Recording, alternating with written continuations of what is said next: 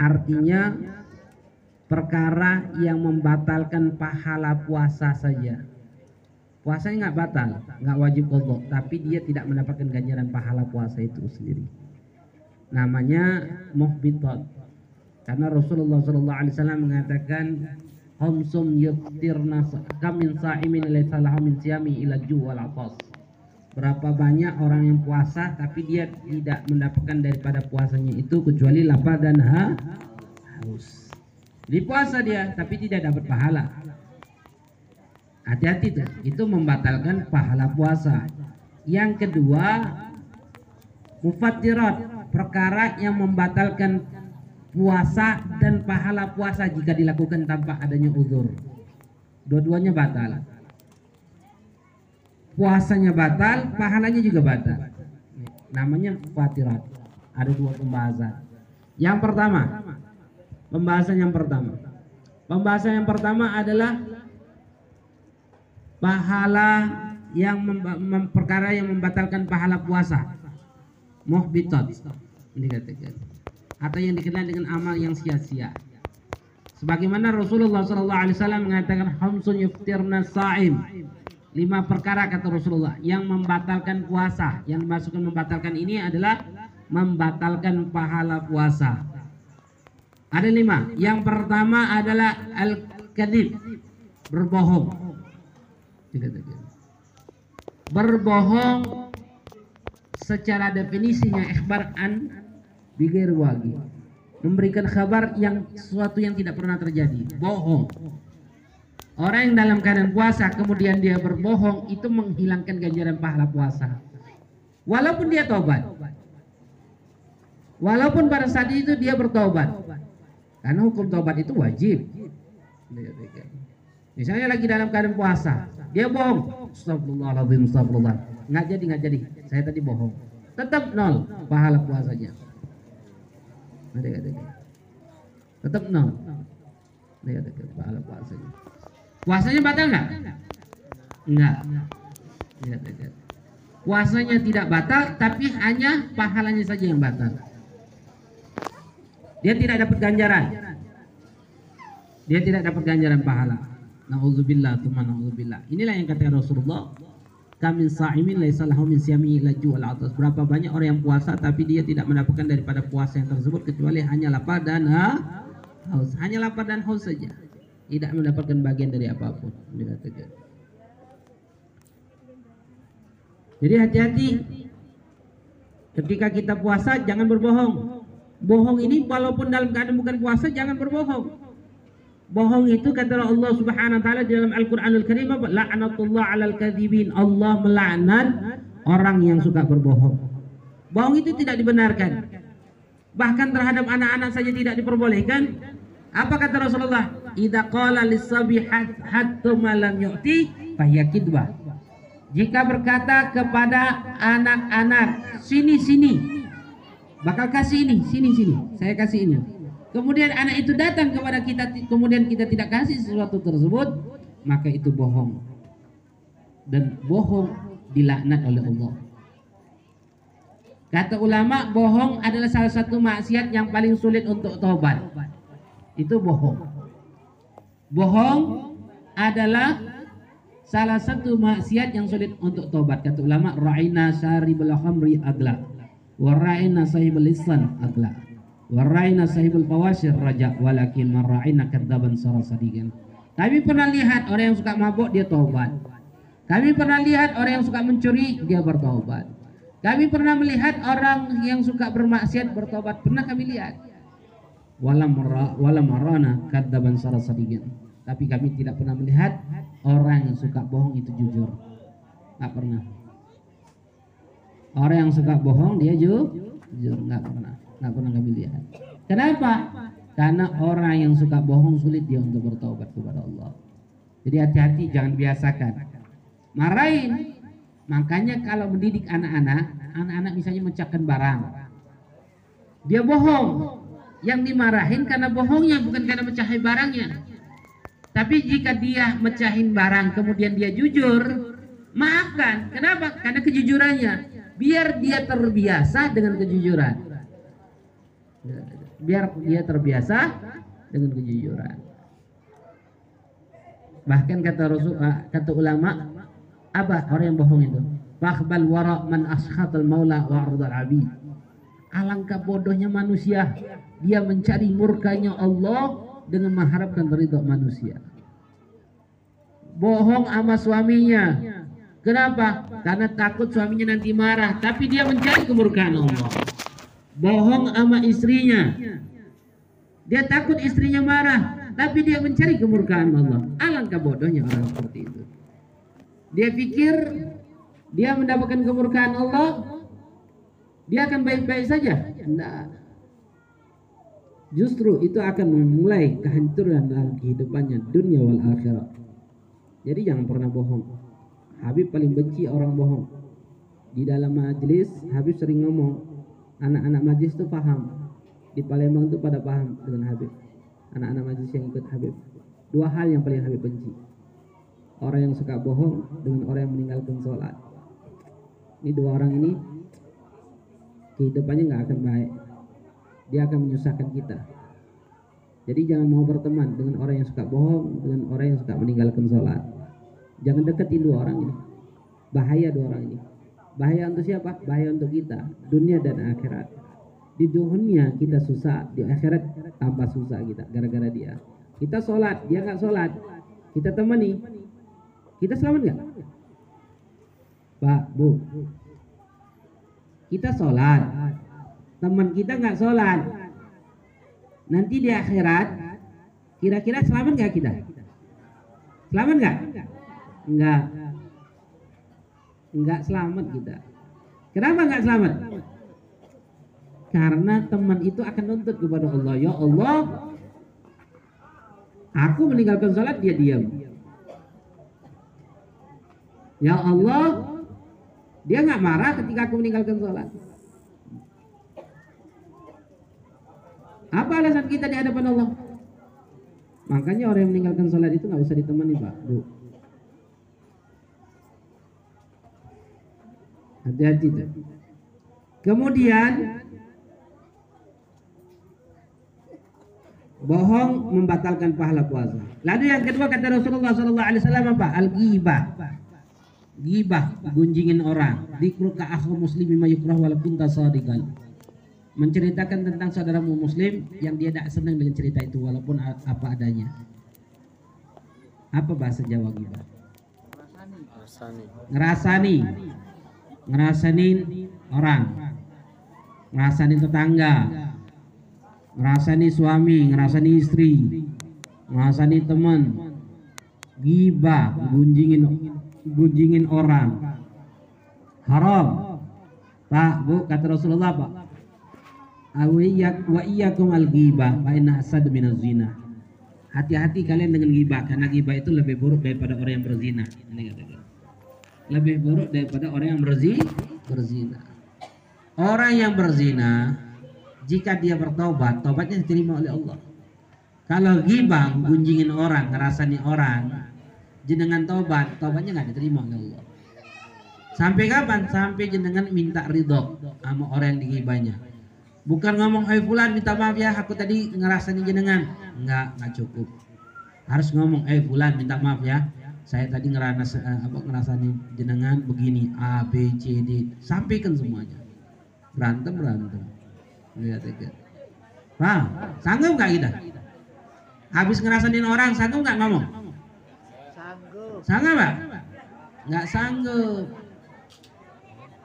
Jadi hati-hati, lebih jelek dari orang zina, ya, lebih buruk dari orang yang berzi, berzina, karena sulit dia untuk taubat. Makanya Pak Bu, jika ada teman ngerasani orang lain depan kita, omongin, jenengan jangan ngerasani orang lain, coba jenengan ngerasani diri sendiri. Saya yang dengar, nggak apa-apa. Sanggup Pak? Gibain diri sendiri, sanggup Pak? Kalau nggak sanggup ngeribain diri sendiri, jangan ngeribain orang lah. Orang lain. Ini hobinya ngeribain orang lain. Ngerasa nih orang saja. Si fulan, si fulan. Gibah ini bukan ngomongin jeleknya saja. Apa pun yang dinisbahkan kepada orang itu. Ih, ibu itu cantik-cantik, jilbabnya nggak meceng, nggak serasi. Itu gibah.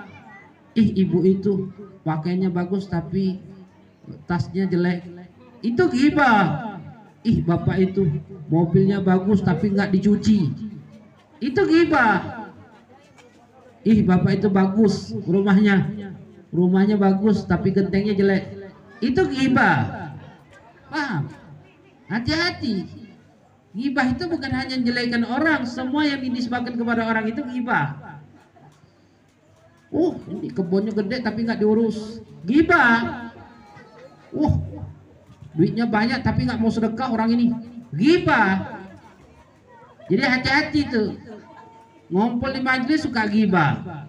Apalagi gibah itu fawakiha ma'asya muntasira baina nisa kata ulama. Buah-buahan yang nikmat yang menyebar di antara perempuan-perempuan. Oh Habib saya alhamdulillah nggak pernah gibah Habib nggak pernah ngerasain orang Habib nggak pernah saya cuman si Fulan saya duduk saja Habib dengerin saja sama ianya. Yang ngomong sama yang dengar sah sama. Oh Habib saya nggak pernah Habib. Paling saya di rumah Habib nontonin gosip-gosip artis. Sama. Itu juga gibah. Paham jenengan? Itu nonton-nonton gosip-gosip artis itu nanti Yomel Jama mereka itu artis itu dalam surga atau neraka kira-kira? Hah? kita? Bisa nggak masuk surga? Ngerasain artis. Ngomongin artis dengerin artis gosip artis. Bisa nggak masuk surga? Nggak bisa. Itu artis akan nuntut sama kita. Ya Allah si bulan ikut gibah ya. Ditanya, hei kamu gibah sama artis itu? Enggak. Itu buktinya. Saya cuma dengar saja. Sama kata Allah. Kamu termasuk orang yang gibahin dia. Yang ngomong sama yang dengar sah, sama. Jadi jenengan kalau ada orang ngerasa nih orang lain di hadapan jenengan langsung cegah. Kenapa? Karena jenengan sama seperti orang yang gibah. Tuh lebih susah lagi nggak ngelapornya? Minta maaf ya mau ngomong, eh pulan pulan saya tadi dengerin jenengan, ada orang yang gibahin jenengan begini begini begini, sanggup nggak? Enggak, pasti dia akan nanya siapa siapa, akhirnya timbul fit fitnah. Ingat ya.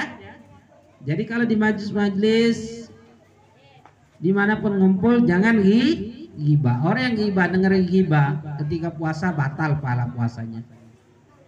Pahala puasanya nol. Lalu namimah ngadu domba. Contoh ngadu domba itu seperti ini. Habib, Habib, si Fulan Habib ngomongin Habib, ngomongin jelek tentang Habib. Nah orang yang lapor ini namimah ini, tukang ngadu domba ini. Wah Habib saya ini nyampaikan benar, nggak bohong. Justru apa yang sampaikan jenengan benar itu ghibah. Kalau nggak benar namanya fitnah. Habib kan saya murid Habib, sayang sama Habib. Kalau sayang sama Habib, seneng sama Habib, murid Habib, marahin saja orang yang ibadahnya Habib, nggak usah ngelak ngelapor ingat tuh yang lapor yang begituan itu namanya nama kata Rasulullah an nama la yudkhul jannah. Orang yang suka ngadu domba itu tidak akan pernah masuk surga kata Rasulullah. Tidak bakal masuk sur surga kata Rasulullah sallallahu alaihi wasallam. Hati-hati hati-hati. Namimah. Kemudian an-nadru syahwat. Memandang sesuatu yang syahwat.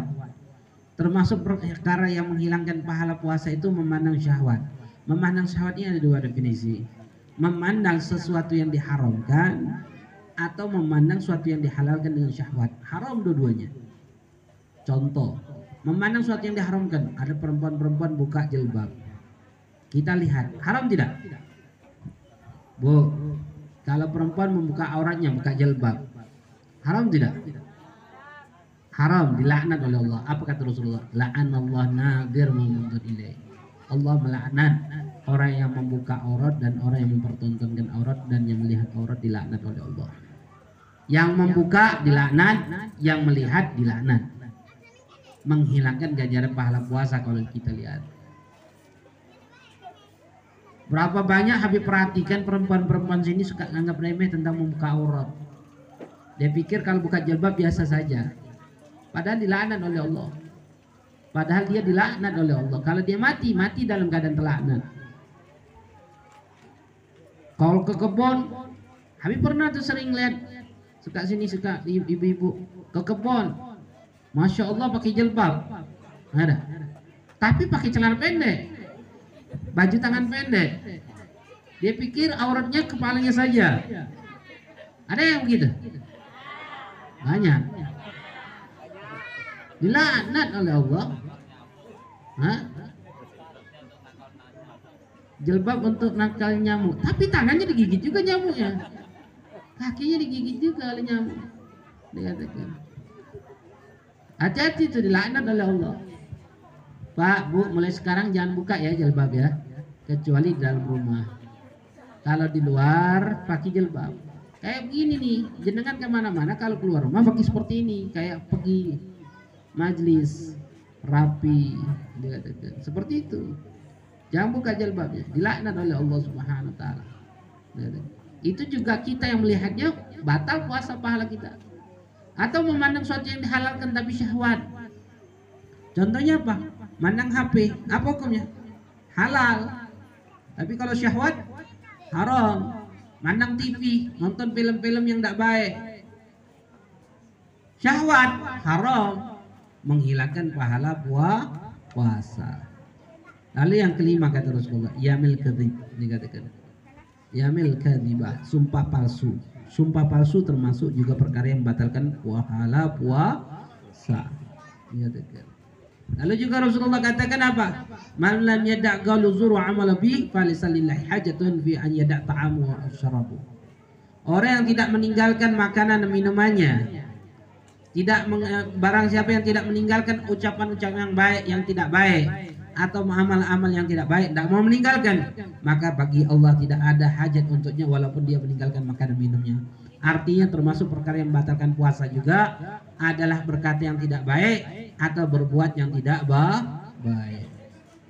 Itu menghilangkan ganjaran pahala puasa. Jadi hati-hati. Hati-hati hati-hati. Perkara yang bisa menghilangkan ganjaran pahala puasa. Jadi kalau seandainya kita melakukan perbuatan ini ketika puasa Ramadan maka nol pahala puasanya. Dia tidak mendapatkan ganjaran apa pun kecuali lapar dan ha haus, kecuali hanya lapar dan ha haus. Lalu yang ketiga, lalu yang kedua yang kita bahas itu dikenal dengan mohbitot amal yang sia-sia amal yang menghilangkan ganjaran pahala puasa. Tapi puasanya tidak batal. Lalu yang kedua, yang kedua adalah amal yang membatalkan puasa dan pahala puasa. Amal yang membatalkan puasa dan pahala puasa. Yang dikenal dengan mufattirat, perkara yang membatalkan puasa. Yang pertama adalah riddah, murtad keluar agama Islam.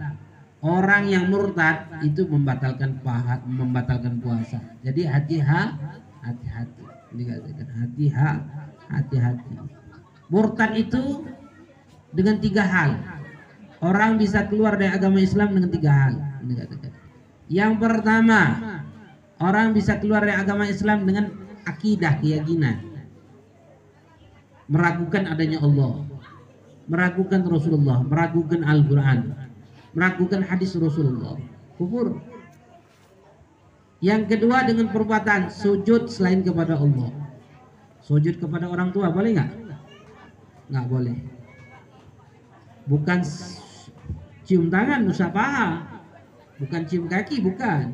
Tapi sujud seperti dalam sholat itu nggak boleh kecuali hanya kepada Allah. Lalu yang ketiga dengan ucapan. Ucapan-ucapan yang bisa menyebabkan orang itu murtad seperti contohnya adalah mengkafirkan muslim bilang kafir ini. Kamu mau jadi kafir. Seperti itu kalimat itu. Yahudi, ini Nasrani atau menghina syariat Islam. Ada perempuan bercadar dibilang os-os rombongan ninja. Eh apa maksudnya? Jika menghina orangnya dosa, tapi jika menghina syariatnya murtad keluar agama Islam. Jadi hati hati-hati. Apalagi di zaman kita sekarang ini Pak Bu, eh, seakan-akan Islam itu jahat, seakan-akan Islam itu uh, teroris. Itu yang terjadi sekarang ini dan rata-rata umat Islam diam semua. nggak ribut.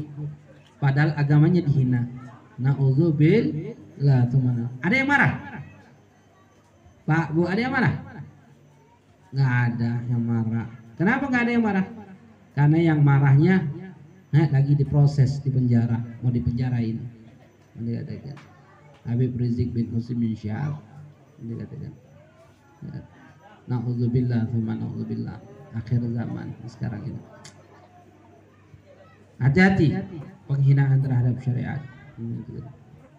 Yang kedua, perkara yang membatalkan puasa, head, nifas dan wiladah.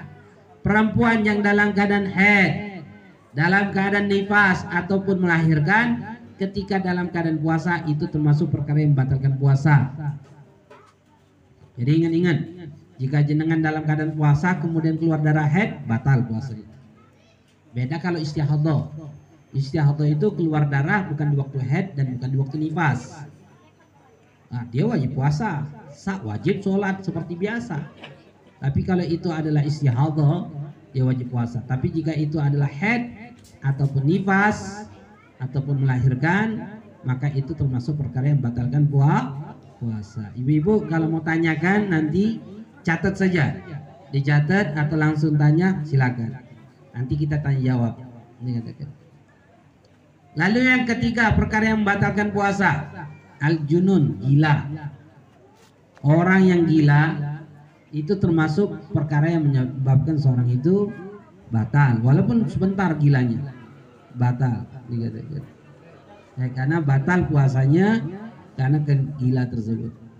Lalu yang keempat Termasuk perkara yang membatalkan puasa adalah Igma wa syukur. Perkara yang empat yang membatalkan puasa, igma wa syukur, pingsan ataupun ayan. Tapi dengan syarat, dua syaratnya. Pingsan ataupun ayan membatalkan puasa, syaratnya disengaja. Yang kedua menyeluruh siang hari. Itu baru batal. Syaratnya dua, yang pertama sengaja dan menyeluruh siang hari. Maksud sengaja itu apa? dia makan obat sebelum fajar. Dia makan obat sebelum fajar, pingsan sampai dengan tenggelam matahari baru sadar, batal puasanya. Tapi kalau seandainya sengaja jam 12 siang sadar, batal nggak puasanya? Enggak. Atau orang yang pingsan, nek, menyeluruh dari malam sampai malam lagi dalam keadaan tidak sengaja, maka tidak batal puasanya tetap dianggap puasa atau apalagi siang-siang pingsan batal puasanya enggak karena pingsan dan ayat itu membatalkan puasa ada dua sebabnya yang pertama sengaja yang kedua menyeluruh siang hari. Baru dianggap bah, batal puasanya. Lalu yang kelima. Ini penting bagi pengantin baru. Ada pengantin baru sini? Ada? Pengantin lama semua? Ini yang kelima, perkara yang yang membatalkan puasa adalah jima, berhubungan badan suami istri. Ida jama'a amidan aliman bitahrim mukhtaran batalasam. Orang yang dalam keadaan puasa kemudian melakukan hubungan suami istri maka batal puasanya. Jika dilakukan di dalam bulan Ramadan dia batalkan puasanya dengan jima maka ada lima hukum bagi orang itu. Jika orang itu membatalkan puasa di bulan Ramadan dengan melakukan hubungan suami istri jima, maka ada lima hukum terhadap orang itu. Yang pertama, luhugul itim, dia dapat dosa besar. Karena dia batalkan puasa Ramadan. Yang kedua, wujubul insak. Dia wajib menahan segala suatu perkara yang batalkan puasa. Walaupun puasanya sudah batal. Misalnya pagi jam 9 pagi dia jima. Habis jima boleh nggak dia minum?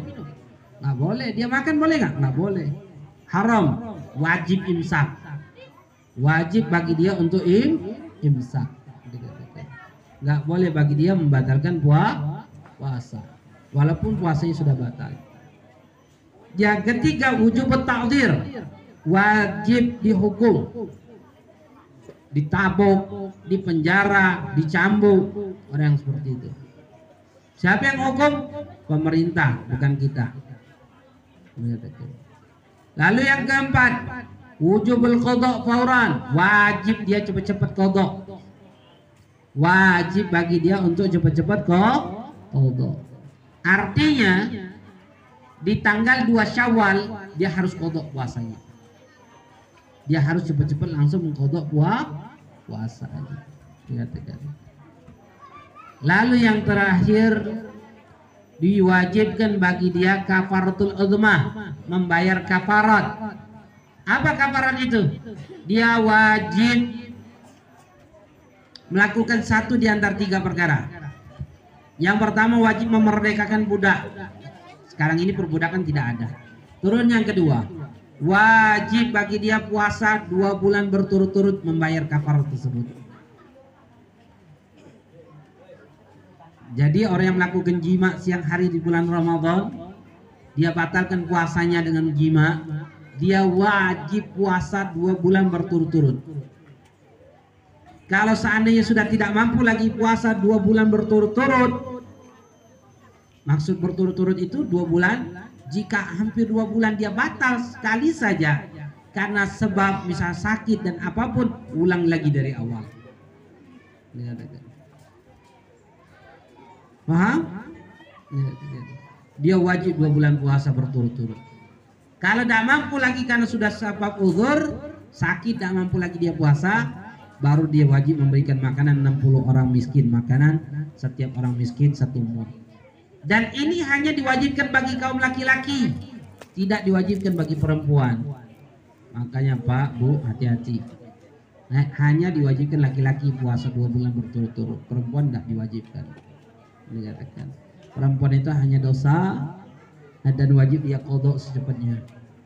Bagi laki-laki dia wajib membayar kafaratul rumah dua bulan puasa berturut-turut.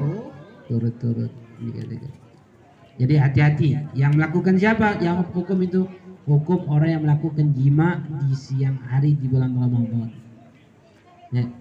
kalau dia melakukan membatalkan puasa Ramadan dengan melakukan hubungan suami istri jima wajib bagi dia membayar kafarat yaitu dengan puasa dua bulan berturut-turut. Nauzubillah. Makanya ulama salaf kita orang tidak menikahkan anak-anak mereka di bulan Ramadan. Nah, kenapa? Nah, karena takutnya pengantin baru kan, nah, bahaya dengan pengantin lama lagi bahaya, apalagi pengantin bah, baru kalau sudah di bulan Ramadan. Hati-hati. Lalu yang terakhir, yang keenam, bukan yang terakhir, yang keenam. Termasuk perkara yang membatalkan puasa. Termasuk perkara yang membatalkan puasa. Usul ain min manfaatil mafsu ila jub. Masuknya ain benda ke lubang yang terbuka. Masuknya eh, apa? Masuknya ain benda ke lubang yang terbuka. Masuknya benda ke lubang terbuka. Lubang terbuka itu ada lima bagi laki-laki, ada tujuh bagi perempuan. Apa saja rongga terbuka itu? Yang pertama, laki-laki dan perempuan sama, mulut, tenggorokan. Kalau masuk mulut saja batal nggak? Hah? Puasa nih, puasa. Batal nggak? Enggak. Tapi kalau sudah masuk ke tenggorokan batal. Makanya ibu-ibu kalau puasa Ramadan nyicipin makanan habisnya lepihin lagi batal nggak puasanya? Enggak. Kenapa? Karena nggak masuk tenggorokan. Boleh nggak? Boleh nggak apa-apa. Nah, nggak apa-apa, boleh. Kalau nyicipin masakan, biar masakannya nggak ah, nggak asin, nggak campah. Kalau bapak-bapaknya boleh nggak? nyicipin nggak boleh makruh nggak ada hanya untuk yang masak saja boleh menyicipin kalau selain itu makruh kalau ditelan batal puasanya yang kedua lubang yang terbuka itu ada telinga jadi kalau kita pakai kantun bat eh, kili-kili kuping tuh Apa kalau orang bilang? Ketumbar. Kilen. Kilen kuping. Nah, masukin air, masukin kilen kuping itu maka termasuk perkara yang batalkan puasa. Yang ketiga, lubang tersebut adalah hidung. Nah, jadi kalau jenengan ngupil masuk ke dalam, nah, kalau ngupil di sini saja batal nggak? Enggak. Yang yang kelihatan itu dianggap gohir, yang nggak kelihatan di dalam itu dianggap batin. Nah, jadi kalau masuk wudhu, istinsyak masukkan air ke hidung, batal nggak? Batal bahasanya. Yang keempat kemaluan depan, yang kelima kemaluan belakang. Itu lubang yang terbuka. Ditambah dua perempuan, ASI tempat keluarnya susu. Eh, yang ke eh, yang ketujuh tempat keluarnya anak. Majmu'id zakar kata ulama. Tempat maksudnya da zakar. Ini katakan jima. Tujuh lubang bagi perempuan, lima lubang bagi laki-laki. Jika masuk benda-benda ke dalam rongga-rongga tersebut, maka semuanya itu adalah termasuk perkara yang membatalkan puasa. Nah, jadi hati-hati masukkan benda-benda tersebut. Kemudian termasuk hukum ibroh suntikan ketika dalam keadaan puasa. Ada tiga pendapat. Ada yang mengatakan kata ulama batal. Ada yang mengatakan tidak batal puasanya. Ada lagi pendapat yang mayoritas, yang ketiga kata ulama lihat. Suntikan itu ke mana? Kalau suntikan itu ke paha, ke pantat, ke otot, lengan, maka tidak batal. Tapi kalau suntikan itu masuknya ke rongga seperti urat nadi, dimasukkan ke urat nadi, maka itu membatalkan puasa. Paham? Jadi kalau seandainya suntik Suntik apa? KB. Suntik KB itu gimana? Bukan, suntikannya gede. Dimasukin di mana? Di pantat. Tidak batal. Tapi kalau dimasukin di urat nadi itu baru kayak infus, kayak infus itu bah batal. Tapi lebih baik dihindari. Lebih baik dihindari kalau mau suntik KB sapinya suntiknya pada malam A hari saja. Kemudian hukum nukhamah dahak dahak ketika puasa. Hukum dahak ketika puasa jika dahaknya sudah sampai di tempat makhraj huruf ha dikatakan ha itu di mana? Ha itu di mana? Ha itu di mana? Di pangkal di sini. Mau tahu huruf ha itu di sini jenengan mengucapkan huruf kha itu getar di sininya. Kha. Dikatakan kha. Getarnya di sini. Kalau ha, ha besar di bawah, getarnya di bawah ha.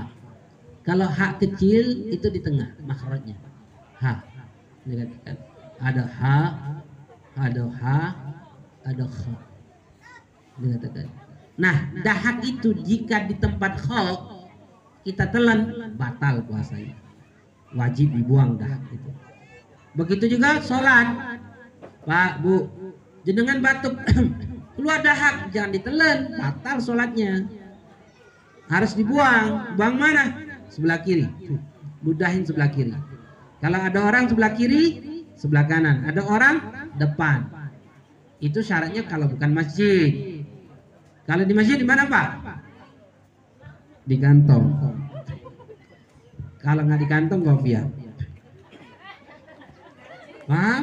Bu, di mana? Di mengkena. Buang dahaknya. Paham? Karena dahak najis nggak? Nggak. Dahak nggak najis. Paham? Habis kalau disimpan habis nggak apa-apa. Disimpan di mana? Di mulut. Asal jangan ketelan. Kalau ketelan, bah, batal. Paham?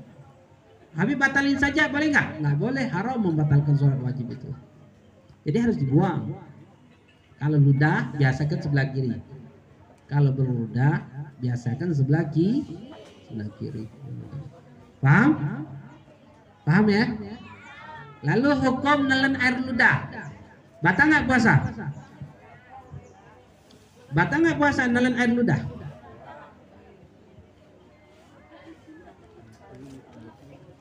Nelen air ludah.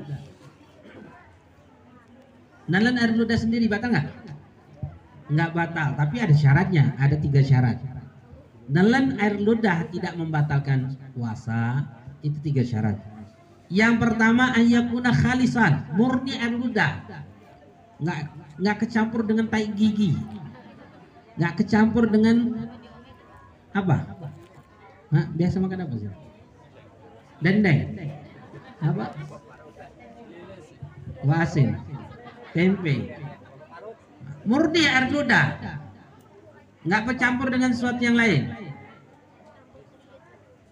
Yang kedua, tohiron, suci, bukan najis. Kalau gusi berdarah, otomatis air ludahnya nah, najis. Jangan ditelan, batal puasanya. Lalu yang ketiga, hanya kun mimadinihi, masih di dalam mulut. Beda kalau orang lagi tidur. Tuh, Pak, Bu, ada kan bapak-bapak, ibu-ibu kalau lagi tidur, lagi majelis, ngiler. Pas dikagetin, dari sudah sini naik lagi tuh. Lalu kalau ditelan, batal puasanya. Paham? Kenapa? Karena sudah keluar dari mu.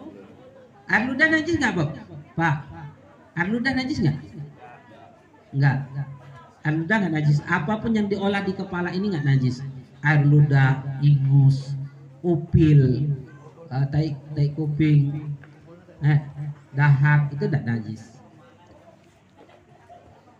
Boleh nggak kita minum air ludah orang lain? Boleh nggak? Boleh nggak? Nggak boleh, haram. Jijik kecuali kecuali litaladzut ciuman sama suami istri. Ketelan nggak? Ketelan nggak? Jijik. Padahal kata ketelan ini kata ketelan nggak? Ayo yang sudah suami istri, kalau ciuman air ludah campur nggak? Ketelan nggak? Katanya jijik. Barusan tuh, ih jijik. Kau itu ditelan? Katanya jijik tadi. Kalau yang itu nggak jijik. Litalatut kata ulama nggak apa-apa. Yang kedua litabaruk untuk mengambil keberkahan. Contoh tahnik anak kecil yang ditahnik dikurma dikunyah lalu dimasuk, dimasukkan di mulut anak-anak yang masih ba, bayi itu tahnik itu yang dianjurkan oleh Rasulullah kan bercampur aludanya nggak apa-apa untuk barokah keberkahan nah jenengan kalau suka minta air tuh sama Habib jampinya gimana? Habib ludahin. Jenengan minum. Minum nggak? Minum nggak? Minum kan? Jijik nggak? Minta lagi. Ngantri lagi. Jijik nggak? Tak barukan mengambil keberkahan itu dianjurkan.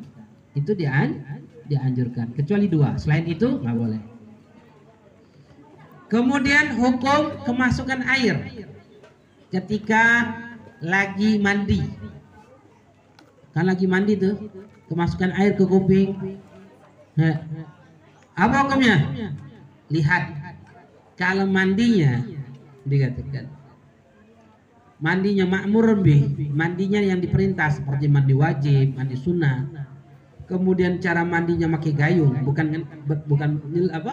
Berendam. Bukan berenang pakai gayung mandinya atau pakai shower kalau kemasukan air tidak batal paham tapi kalau nyelam kemasukan air batal kalau mandinya bukan perintah, mandi biasa setiap hari mandi biasa. Maka kalau kemasukan air batal. Paham? Ingat, ulangi, kami ulangi. Hukum kemasukan air. Hukum kemasukan air itu ketika mandi, ketika puasa, itu tidak membatalkan syaratnya satu. Mandinya perintah, mandi wajib ataupun mandi sunnah. Dan mandinya dengan gayung. Itu tidak batal. Tapi kalau mandinya biasa atau mandi wajib tapi nyelam, maka kalau kemasukan air batal. Paham? Pak, Bu, tiap hari mandi nggak? Mandi sunnah atau mandi biasa? Atau mandi wajib? Hah? Mandi setiap hari nggak? Mandi wajibnya setiap hari? Mandi sunnahnya? Jika jenengan mandi, jenengan niat, niat mandi sunnah. Jenengan setiap mandi, setiap mandi niat mandi sunnah. Niatku mandi sunnah untuk kumpul dengan kaum muslimin dan niatku mandi sunnah sebagaimana yang telah diniatin oleh mereka salafus solihin maka kita dapat pahala mandi sunnah setiap man mandi niatnya apa niatku mandi sunnah untuk kumpul dengan kaum muslimin kan kumpul sama istri sama suami sama teman sama anak majelis mau majlis mandi nggak mandi sunnah atau bukan bukan nggak dapat pahala tapi jika jenengan niatkan mandi sunnah dapat pahala jenengan. Enggak sia-sia. Setiap mau mandi, jadi mandi sunnah. Hah? Kemudian hukum kemasukan air ketika wudhu. Kan kumur-kumur kita. Kemasukan air, batal nggak? Batal nggak? Lihat kata ulama. Kalau kumur-kumurnya perintah, kumur-kumur mau wudhu tiga kali nah mau wudhu tiga kali kan sudahnya kumur-kumur kemasukan air nggak batal kemasukan bukan sengaja dimasukin beda kalau kumur-kumurnya bukan makmur bukan perintah Habib siang hari kumur-kumur dengan es oh, oh. apa hukumnya batal atau kumur-kumurnya lebih dari tiga kali lima kali uh, uh, uh, yang kelima kemasukan air apa kami? Batal. Paham? Apalagi mau balaga. Ah. Batal kalau ketelan. Kalau bukan Ramadan sunnah wudhu kumur-kumurnya mau balaga. Ah. Paham? Kemudian lalu yang ketujuh perkara yang membatalkan puasa. Yang ketujuh sekarang. Istimna istimna sengaja mengeluarkan mani onani ataupun masturbasi onani ataupun masturbasi sengaja mengeluarkan mani hukumnya termasuk perkara yang membatalkan zo membatalkan puasa. Baik dengan cara menggunakan tangan atau tangan pasangannya atau dengan pikiran mikirin tiang atau dengan nazar dengan melihat. Yang yang akhirnya mengeluarkan ma, mani termasuk perkara yang batalkan puasa berbeda kalau keluar maninya dengan mimpi junub. Tidur atau junub keluar mani. Batal nggak puasanya? Enggak hukum goblah ciuman dalam keadaan puasa. Hukum ciuman dalam keadaan puasa. Apa hukumnya? Hukum ciuman jika menimbulkan syahwat, ini ciuman sama istri sama suami dalam keadaan puasa. Jika menimbulkan syahwat haram. Tapi jika tidak menimbulkan syahwat dikatakan oleh lama khilaful aulah lebih baik ditinggalkan. Itu dalam keadaan puasa. Lalu yang kedelapan, Hukum perkara yang kedelapan perkara yang membatalkan puasa. Yang terakhir, istiqaah sengaja muntah. Sengaja muntah. Muntah sesuatu yang keluar lagi dari perut, apa pun sifatnya. Nah, bukan angin tapi cairan, apa pun sifatnya. Hukumnya adalah najis jika disengaja muntah, batal puasanya. Kalau tidak sengaja muntahnya tidak batal. Dan wajib cara membersihkan muntah, cara membersihkan muntah mulut yang keluar najis tersebut harus dengan cara mubalaghah. Oh. Jadi kumur-kumurnya ambil air. Oh. Habib kalau ketetelan gimana? Tidak batal puasanya. Kenapa? makmur lebih perintah syariat untuk membersihkan najis dengan cara mubalaghah oh, seperti itu.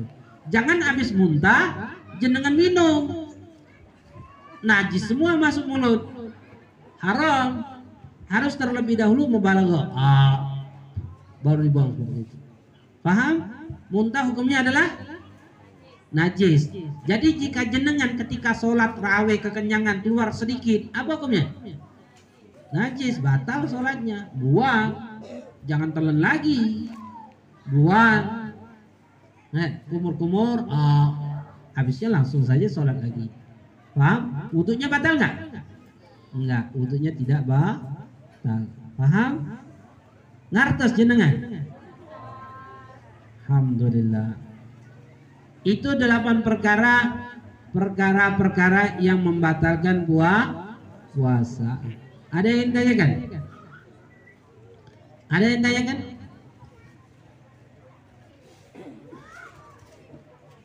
Langsung saja kalau ada yang mau tanya. Banyak.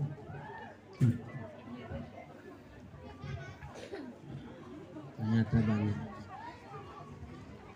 Assalamualaikum. Waalaikumsalam. Pak, Bu, kalau ada tulisan Assalamualaikum wajib nggak dijawab? Wajib dijawab. Kalau SMS, WA, ucapkan salam wajib nggak dijawab?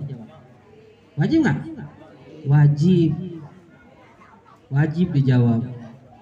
Jawabnya dengan balasan juga, tulisan juga apa jawabnya dengan lisan? Kedua-duanya wajib. Jawab dengan lisan dan jawab dengan tuh tulisan. Awil saya mau tanya perkara yang pertama.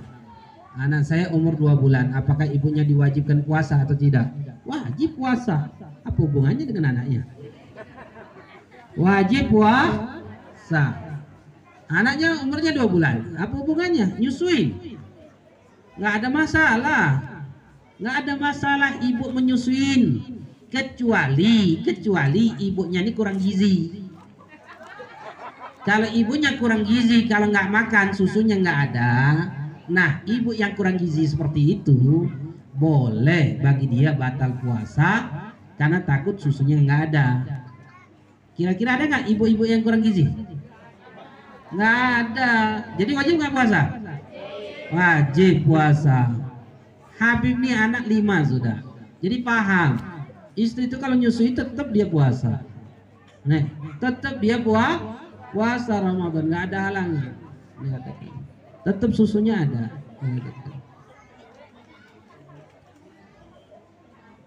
Jika puasa head jam 5 sore batal puasanya. Langsung batal. Nah, itu harus membatalkan atau tidak? Langsung batal puasanya kalau head. Jangan ke jam 5, jam 6 kurang semenit lagi adzan maghrib. Jenengan head batal langsung puasanya. Langsung batal. Ah, nahan saja imsak saja nunggu maghrib bareng haram. Gak boleh imsak pada saat itu. Langsung dibatalkan. Yang ketiga, dalam bulan puasa melakukan hubungan suami istri jika mandinya sebelum dan atau sesudah imsak bagaimana hukumnya? hubungannya jangan siang-siang malam hari kalau siang nggak boleh.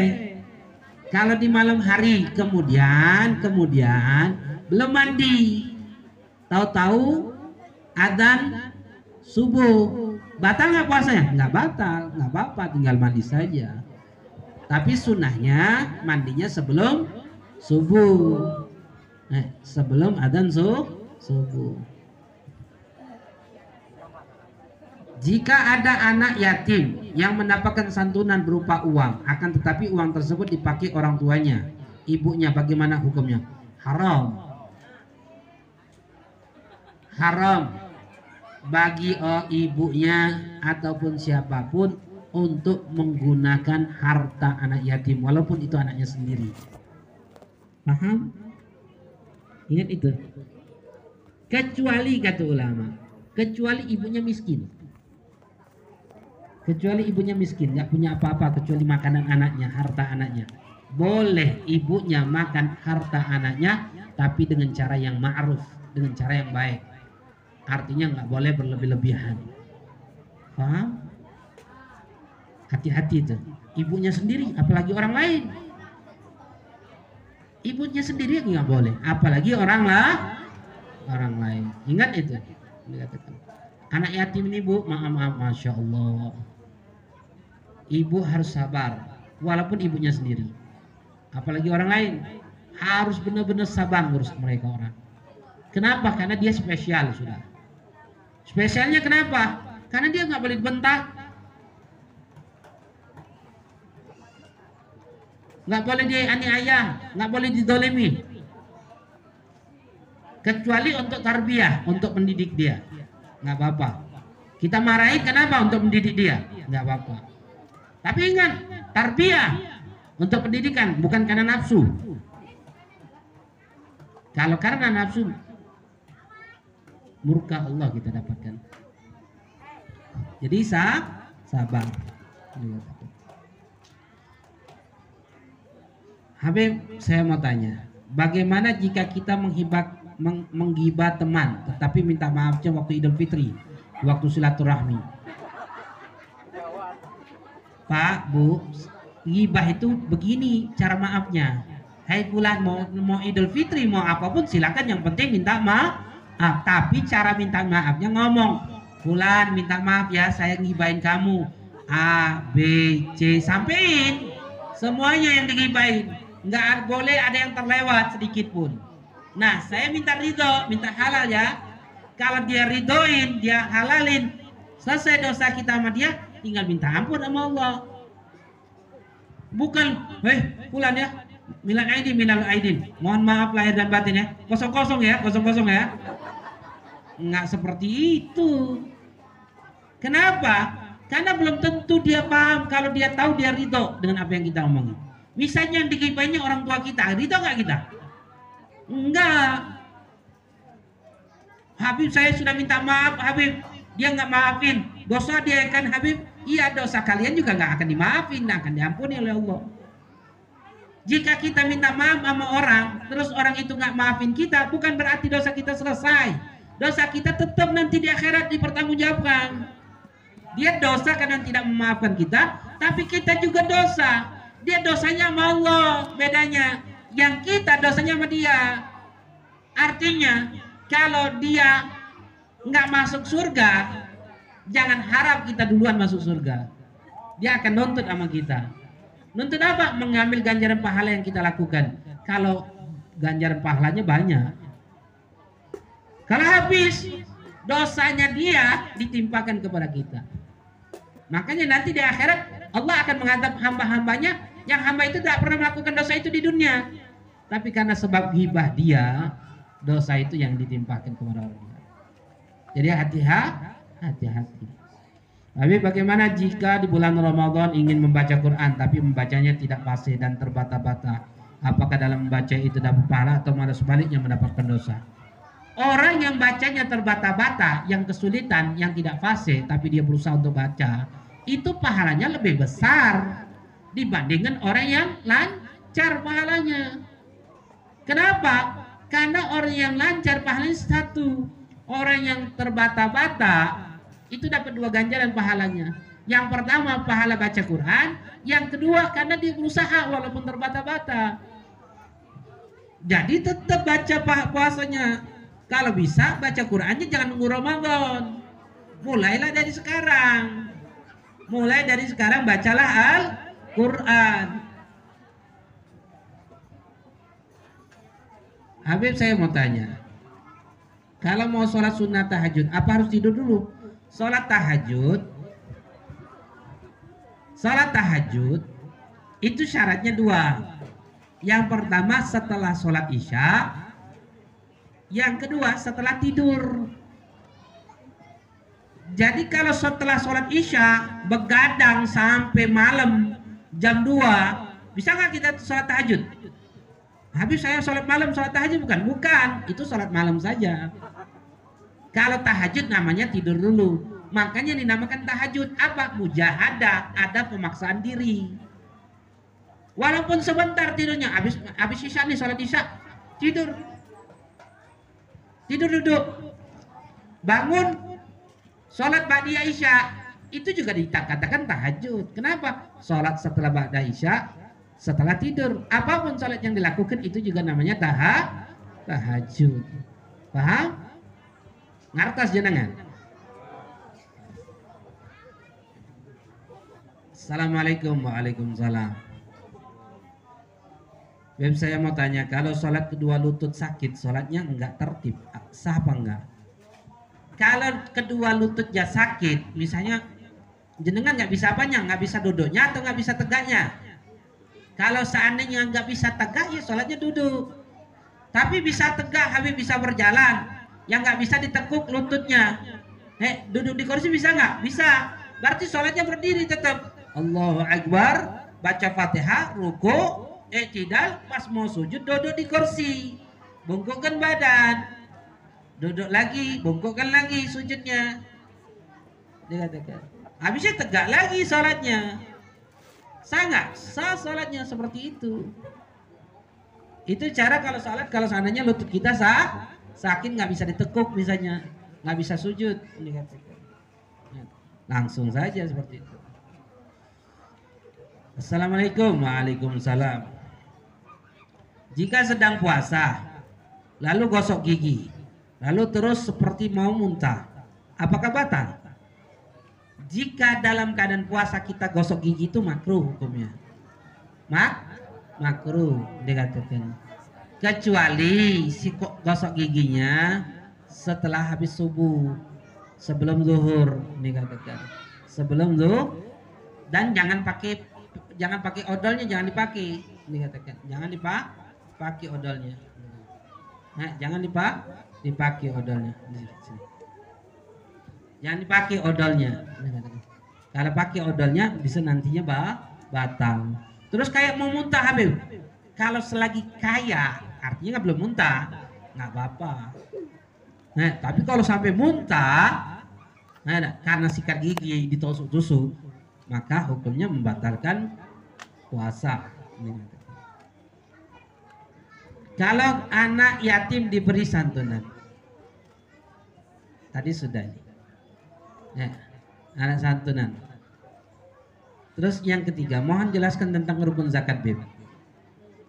Penjelasannya panjang nanti.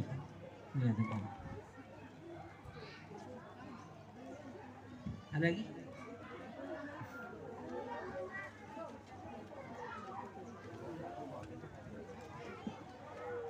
Sini. Ada lagi yang mau tanya-tanya silakan.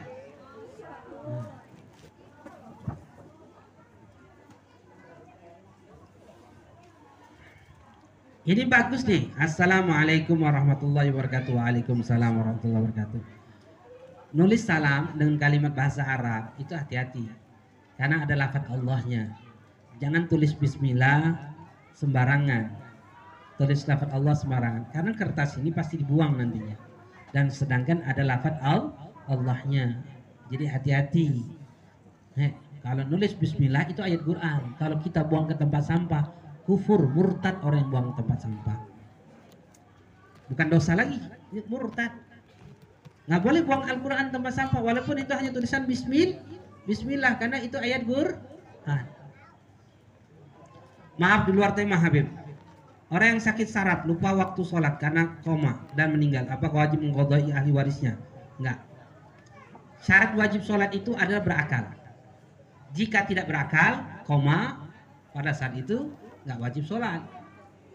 Jika sampai meninggal, lepas, tidak perlu kita mengkodoinya. Eh, tidak perlu mengkodoinya.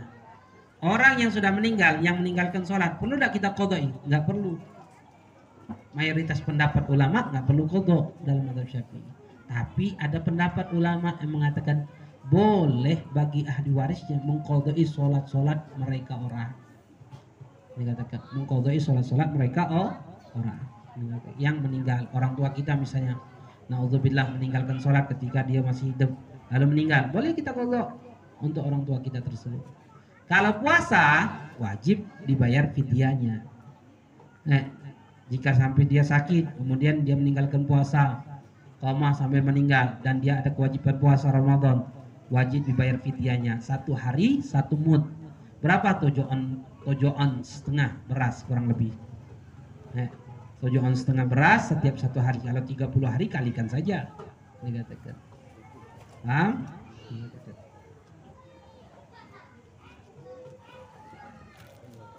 Assalamualaikum. Waalaikumsalam.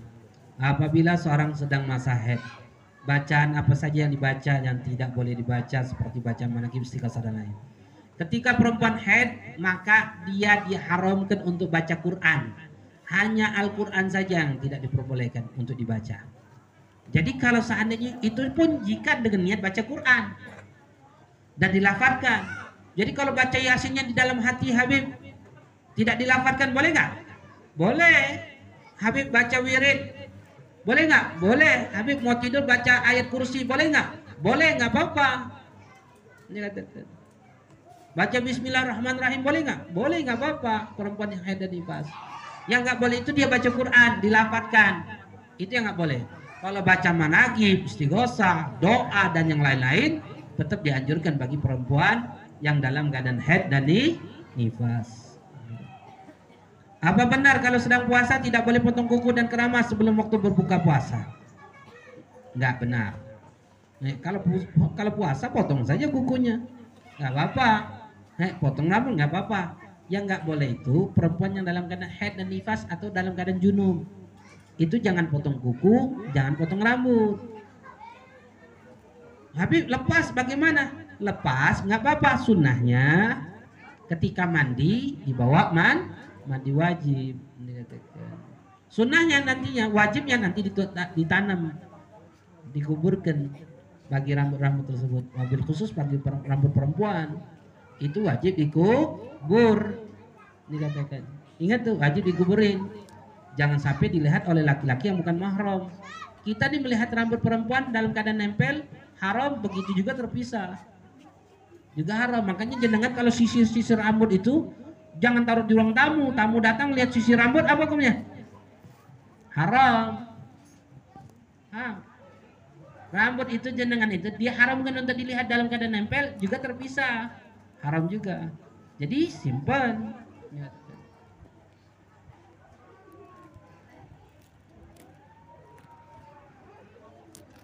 Assalamualaikum Waalaikumsalam Mau nanya kalau ketika kita sholat Kita lupa rakaat yang ketiga atau yang kedua Apakah kita harus mengulang sholat lagi? Ini kalau ragu-ragu nih Kita lupa. Lagi sholat tiga empat tiga empat. Maka ambil yang tiga Nambahkan satu rakaat. Sholat lagi Dua, tiga, apa satu ya Dua, tiga, apa satu Berarti Satu Tambahkan lagi Ini berarti satu rakaat Lanjutkan sholat sholatnya Paham? Ini kan ragu-ragu nih. Kedua apa ketiga? Kedua apa ketiga? Berarti kedua. Tambahkan satu rakaat. Ruko belum? Ruko belum berarti? Belum. Tinggal ruko. Baca Fatihah belum? Baca Fatihah berarti? Belum. Tinggal baca Pak Fatihah. Paham? Nah, kalau kita ragu-ragu tiga empat tiga empat berarti tiga. Tambahkan satu rakaat lagi. Katakan. Habib, kalau anak laki-laki wajib melakukan sholat itu mulai umur berapa? Wajib perintah itu umur tujuh tahun. Bagi walinya untuk memerintahkan anak itu sholat. Perintahkan sholat umur tujuh tahun. Bagi ibunya wabil khusus yang mendidik anak-anaknya. Umur tujuh tahun sudah perintahkan sholat. Masuk waktu subuh perintahkan sholat subuh. Zuhur, asar, maghrib, dan isya. Walinya, hukumnya fardu kifayah. Hukumnya fardu kifayah. Bagi sebelah bapak, ibu bapaknya, ibunya, kakeknya, neneknya, mamangnya, bibiannya. Bertanggung jawab umur 7 tahun. Perintahkan sholat. Masuk waktu sholat zuhur, perintahkan sholat zuhur. Masuk waktu zuhur, perintahkan sholat zuhur. Masuk waktu asar, perintahkan sholat asar. Maghrib dan isya. Umur 10 tahun, umur 10 tahun jika dia meninggalkan wajib dipukul. Hukumnya fardu kifayah. Salah satu yang memukul.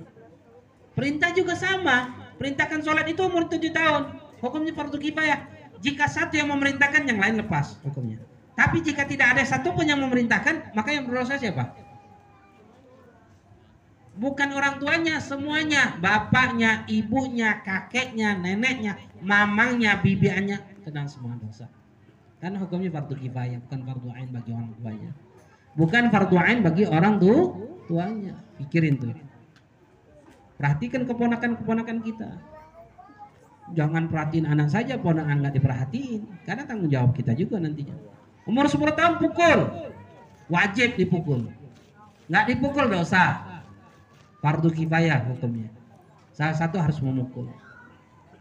Salah satu harus memu memukul. Sampai kapan? Sampai balik. Kalau sudah balik, lepas tanggung jawab orang tua, maka syariat mengambil alih. Pak, Bu, orang yang meninggalkan sholat, apa hukumannya? Hah? Kalau orang mencuri, apa hukumannya?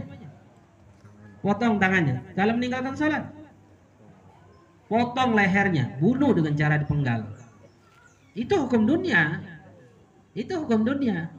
Artinya jika tidak ditegakkan di dunia, pasti Allah akan tegakkan di akhirat. Adab dunia lebih ringan dibandingkan adab akhirat. Serem nggak? Apalagi nanti di akhirat yang meninggalkan sholat. Apalagi nanti di akhirat yang meninggalkan. Di dunia saja serem. Siapa yang bunuh? Bukan kita. Oh, langsung pulang ini. Nasa golok. Sebulan ini meninggalkan sholat. Bukan kita. Siapa yang nasa? Pemerintah yang bunuh. Bukan kita yang bunuh.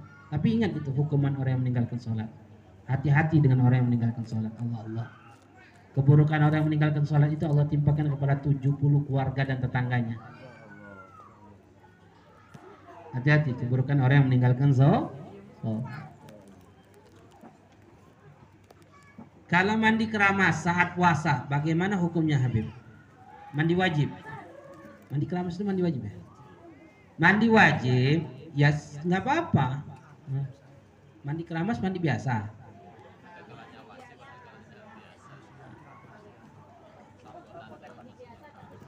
Memang gak, mandi nggak pakai sampo, nggak sabunan. Walhasil intinya seperti ini, intinya seperti ini. Kalau mandi ke dalam keadaan puasa itu tidak membatalkan, nggak apa-apa, nggak membatalkan, tapi dengan syarat jika kemasukan air batal. Kalau kemasukan air batal kecuali mandi yang diperintahkan, mandi wajib ataupun mandi sun sunnah. Selain itu kalau kemasukan air batal. Makanya kalau puasa Ramadan puasa mandinya pelan-pelan. Nah, pelan-pelan jangan masukkan air kupingnya. Kalau kemasukan air maka bisa membatalkan puasa. Nah, lagi nanti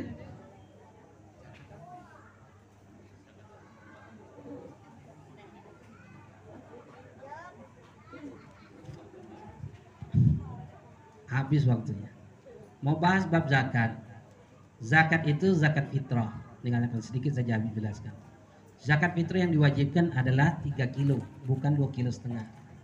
Yang harus dikeluarkan adalah ulama berbeda pendapat berapa ukuran zakat fitrah itu. Ada yang mengatakan 2 kilo setengah, ada yang mengatakan 2 kilo 7 ons setengah. Ada lagi pendapat yang mengatakan 3 kilo. Yang lebih baik ihtiyat kita hati-hati itu keluarkan 3 ki 3 kilo. Itu lebih baik. Dikatakan untuk mengeluarkan zakat zakat fitrah itu lebih baik lebih baik dikatakan kapan mulainya masuk Ramadan awal tanggal 1 Ramadan itu sudah boleh kita keluarkan zakat fitrahnya diwajibkan bagi siapa? Suami. Istri wajib enggak enggak karena tanggungan sua, suami. Nah, suaminya dan orang yang diwajibkan untuk kita nafkahi. Siapa orang yang diwajibkan untuk kita nafkahi? Anak. Itu syaratnya anaknya belum balik. Kalau anaknya belum balik dan miskin kita yang wajib nafkahi. Tapi kalau anaknya sudah balik atau anaknya kecil tapi kaya, dikatakan nggak wajib bagi kita untuk kita naf nafkahi. Nggak wajib nafkahi berarti nggak wajib zakat fitrah. Begitu juga orang tua wajib nafkahin. Kalau wajib nafkahi wajib zakat fitrah. Kalau nggak wajib nafkahi maka tidak diwajibkan zakat fit fitrah. Dikeluarkan tiga kilo setengah. Nah kemudian perhatikan juga amil panitia itu tidak berhak menerima zakat panitia zakat itu tidak berhak menerima zakat atas nama amil. Yang dimasukkan amil di situ adalah orang yang ditunjuk oleh pemerintah, bukan yang ditunjuk oleh masyarakat, kades, enggak bukan. Paham? Jadi amil tidak berhak menerima zakat kecuali atas nama mis miskin. Janda janda berhak tidak menerima zakat. Bu, Pak, janda berhak tidak menerima zakat? Enggak. Enggak.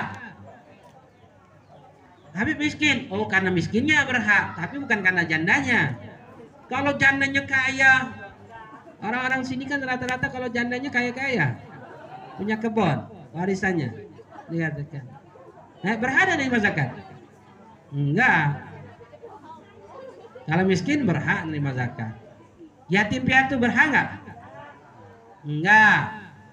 Kalau miskin berhak. Yatim piatu bapaknya punya kebun 10 kapling.